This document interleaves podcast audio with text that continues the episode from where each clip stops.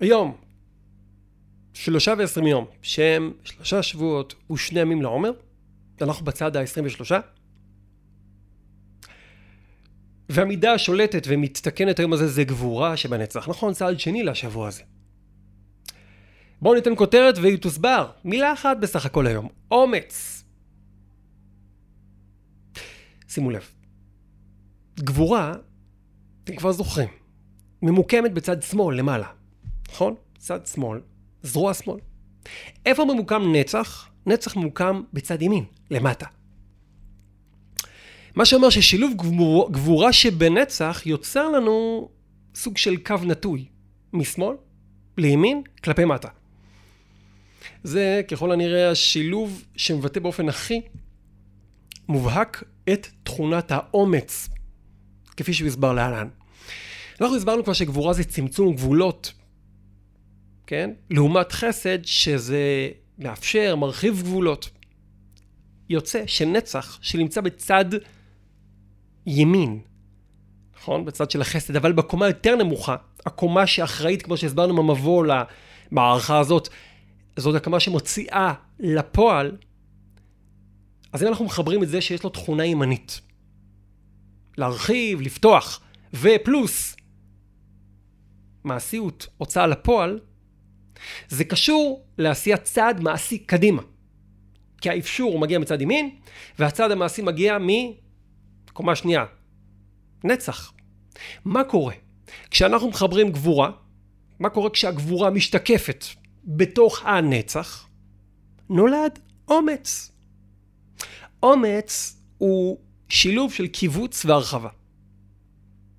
תקשיבו לשורש המילה אומץ, א' מ' צדיק. לאמץ אל הלב, להתאמץ. אימוץ זה צמצום במשמעות של איסוף לצורך ביצוע. כאשר הגבורה מביעה את עצמה בתוך מידת הנצח, שהנטייה הטבעית שלו, כמו שאמרנו, היא צד ימין, הצד שמאפשר, התוצאה היא צד אמיץ קדימה. ועכשיו שימו לב, גם כעס, במובן המותר והחיובי של להתעורר, לעשות שינוי, גם כעס, התעוררות, יכול לגרום לנו לעשות צעד כדי לשנות את המצב או את המקום שלנו, כדי להתחיל מחדש. אז כעס מגיע מצד שמאל, אבל כשהוא מתורגם נכון, הוא יכול להיות סיבה, אמ, הצתה לפעולה ושינוי. גם פחד, שוב פעם, מצד שמאל, כשנובע מידת הגבורה, כן? יכול לגרום לנו, כשהוא מתורגם לאומץ, יכול לגרום לנו לקחת סיכון. בצורה מחושבת ואחראית, כדי לנצח. כן, אדם לוקח סיכון מתוך חוויית הפחד, הוא מבין שצריכים להתמודד עם משהו, ודווקא מתוך זה הוא עוזר אומץ ומגלה מתוכו כוחות שהוא לא הכיר, שבשלווה, או בלי חששות, או בלי שהוא צריך פה להתמודד עם משהו שמפחיד אותו, אולי עושה את הצעד הזה. בכל מפגש עם פחד, חוץ מלנצח את הפחד, יש לנו מטרה יותר גדולה. להשתמש באנרגיה הזאת כדי לבטא בנפש אומץ, שזה אומר צעד קדימה. ביטוי נוסף של זה, כשאני נתקל במניעה, הפרעה, קיר, שזה גבורה, זה יכול להרפות את ידיי, לגרום לי לסגת. אבל זה גם יכול לגרום לי לאסוף את כוחותיי כדי להבקיע.